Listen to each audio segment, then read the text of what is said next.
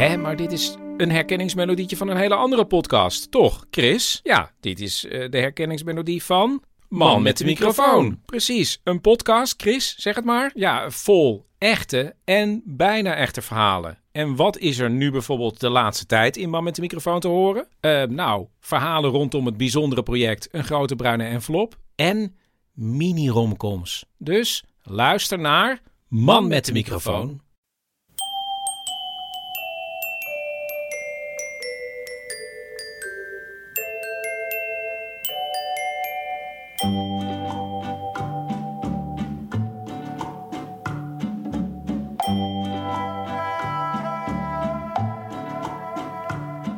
Welkom bij aflevering 57 van de Echt Gebeurd podcast.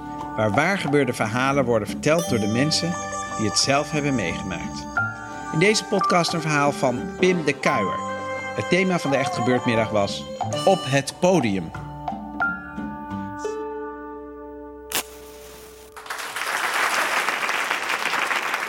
Ja, ze zeggen wel eens, eh, er zijn maar twee veilige plekken in deze wereld. En één is in het donker, waar niemand je kan zien. En de ander is uh, hier op het podium, in de spotlights, want daar kan niemand om je heen. Dus dat is misschien ook wel de reden dat ik vorig jaar, precies een jaar geleden, hier op het podium uit de kast ben gekomen. En dat, dat klinkt misschien een beetje dramatisch, uh, maar dat viel eigenlijk best mee. Ik had een grappig verhaal. En aan het einde van het verhaal zei ik gewoon: uh, Ik heb nu eindelijk een kloten om toe te geven dat ik iemand zoek in het leven die ze ook heeft. En de reacties. De reacties. De reacties uit het publiek waren best goed. Uh, er werd zelfs een podcast van gemaakt, die werd op internet gezet. Dus iedere keer als nu iemand moeilijke vragen heeft... van waarom ben je zo lang, uh, heb je er zo lang mee gewacht... kan ik ze gewoon naar internet verwijzen, hoef ik allemaal niet meer op in te gaan. Uh, maar het optreden kreeg nog een staartje. Tot ongeveer een maand later vertelde iemand mij dat je op Facebook... ik weet niet of u allemaal op Facebook zit... maar daar heb je een boxje Other Messages. En dat weet bijna niemand... Uh, als u het nog niet weet, kijk er snel in. Dat is dus een, een, boxje waar allerlei berichtjes in komen van mensen die je nog niet kent op Facebook. En uh, ik ging dus ook maar snel kijken, ik had er nog nooit van gehoord. En inderdaad, er zat een berichtje in van iemand die een maand daarvoor in het publiek had gezeten. Ene Iwan. En Iwan schreef: Ik had niet de kloten om je na je optreden aan te spreken, maar ik zou graag je verhaal nog eens een keer in persoon willen horen. Dus ik dacht, shit, heb ik eindelijk een fan? En zelfs eentje die me op een date vraagt, want dat, daar kwam het wel op neer. Uh, heb ik hem gewoon een maand genegeerd.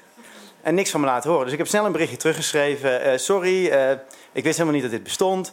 En tuurlijk wil ik heel graag mijn verhaal nog een keer voor een publiek van één vertellen. Nou, wist hij wel wie ik was en hoe ik eruit zag, want hij had me hier op het podium gezien, maar andersom niet. De lichten hier zijn hartstikke fel. Je kunt inderdaad weinig zien wat er in het publiek gebeurt. En zijn Facebook-profiel was ook een beetje vaag. Dus ja, het was eigenlijk een beetje, werd het een halve blind date. Um, en ik had ook verteld dat ik eh, lang in het buitenland heb gewerkt, veel heb gereisd, altijd avontuur zocht. Dus hij dacht dat hij iets heel speciaals moest doen uh, om een beetje indruk te maken. En hij stelde voor dat ik naar Amsterdam Centraal Station zou komen en uh, dat we op reis zouden gaan naar een onbekende bestemming. Nou dus ik moest wel even afwegen, doe ik dit of doe ik dit niet? Um, ik geen idee wie het was.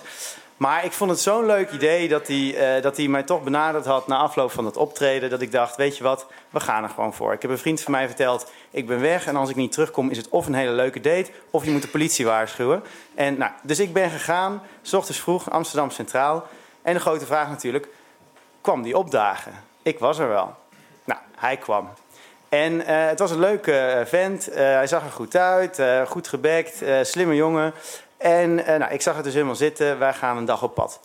En die onbekende bestemming, uh, die viel ook best wel mee. Want het was Almere uiteindelijk. ja. Dus ja, dat, hij, hij, had, hij had het helemaal... Hij was er ook nog nooit geweest. Ik, ja, kan, kan gebeuren.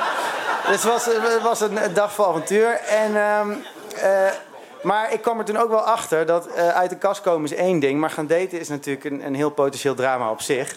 En dat maakt niet uit of je nou met mannen of vrouwen date. Ik heb het allebei geprobeerd, dus ik kan het weten. Um, maar uh, ja, hij had het helemaal geregeld. En, uh, maar het had wat probleempjes, die date. Dat kwam natuurlijk allemaal door mij.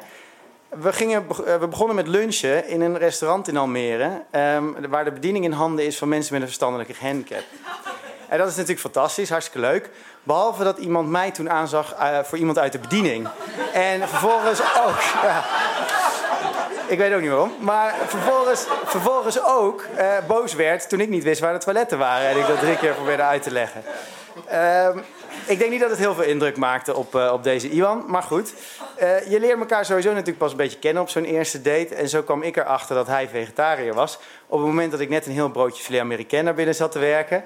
En toen ik vervolgens de helft die liggen was, dat ook weer niet een goede move. Dus het ging niet helemaal de goede kant op. En het werd er niet beter op toen we naar het museum gingen. Um, want ik dacht, nou, hier, hier weet ik nou eindelijk eens wat van. Kunsten, daar weet ik best wel wat van. Daar kan ik een beetje indruk mee maken. Dus wij naar dat museum. En ik zie een interactief kunstwerk. Iets waarbij je uh, papiertjes moest opfrommelen. En dan kon je door een blaaspijpje uh, kon je dat dan wegschieten. Dus ik dook daar vol enthousiasme op en ik ging aan de slag. Maar hij werd er een beetje zenuwachtig van. Want hij zei, ja, dit is wel een museum. Mag je zomaar overal aanzitten? En ik zei natuurlijk, joh, dat is participatieve kunst, heet dat. En bovendien, als het niet mocht, had iemand daar toch al wel wat van gezegd.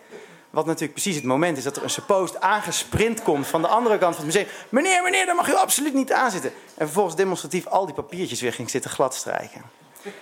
Nou, van een tweede date is het dus helaas nooit gekomen. Dat mag duidelijk zijn. Maar we zijn nog wel goede Facebook-vrienden. En uh, ja, dat is ook belangrijk. En ik had hem gevraagd van, uh, vind je het goed als ik uh, dit verhaal ga vertellen in Toomler? En dat vond hij, vond hij heel leuk. Hij had ook best in het publiek willen zitten, maar hij zit in het buitenland op dit moment. Maar misschien wordt er wel een podcast van gemaakt. Dus als je het hoort, Iwan, dank je nog voor een leuke dag in Almere. um, en ik bedacht me ook wel dat natuurlijk die hele date alleen maar kwam omdat ik hier op het podium was gaan staan. Dus het podium is een, is een goed middel om te laten zien wie je bent en om dates te scoren. En nu komt Valentijnsdag er weer aan. En ik ben nog steeds single. Dus ik dacht, ik kom weer een keer langs. Dus ik dank jullie voor de aandacht. En ik zal mijn Facebook messages goed in de gaten houden de komende maand. Dank je.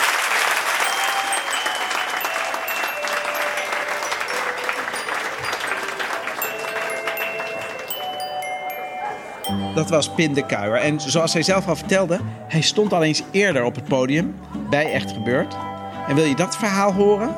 Ga dan naar aflevering 22 van deze podcast. Echt Gebeurd wordt iedere derde zondagmiddag van de maand opgenomen in Toomler. Op www.echtgebeurd.net kunt u zich opgeven voor onze nieuwsbrief. Trouwens, het is ook niet verboden om andere mensen op te geven om een verhaal te vertellen. We kennen allemaal wel iemand die goed kan vertellen en alleen nog een duwtje nodig heeft. Geef dat duwtje en stuur ons zijn of haar mailadres, dan gaan wij er zelf achteraan.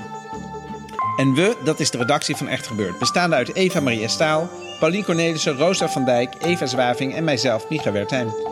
De techniek is in handen van Vrijman en Vrijland. Dit was de 57e podcast van Echt Gebeurd. Er is nu dus ook een luisterboek. Koop dat of geef het door. Er staan ook een paar verhalen op dat luisterboek die niet op de podcast staan en die je toch echt wil hebben gehoord. En vergeet niet, als je uit de kast komt, beginnen de problemen pas echt. Bedankt voor het luisteren en tot de volgende podcast.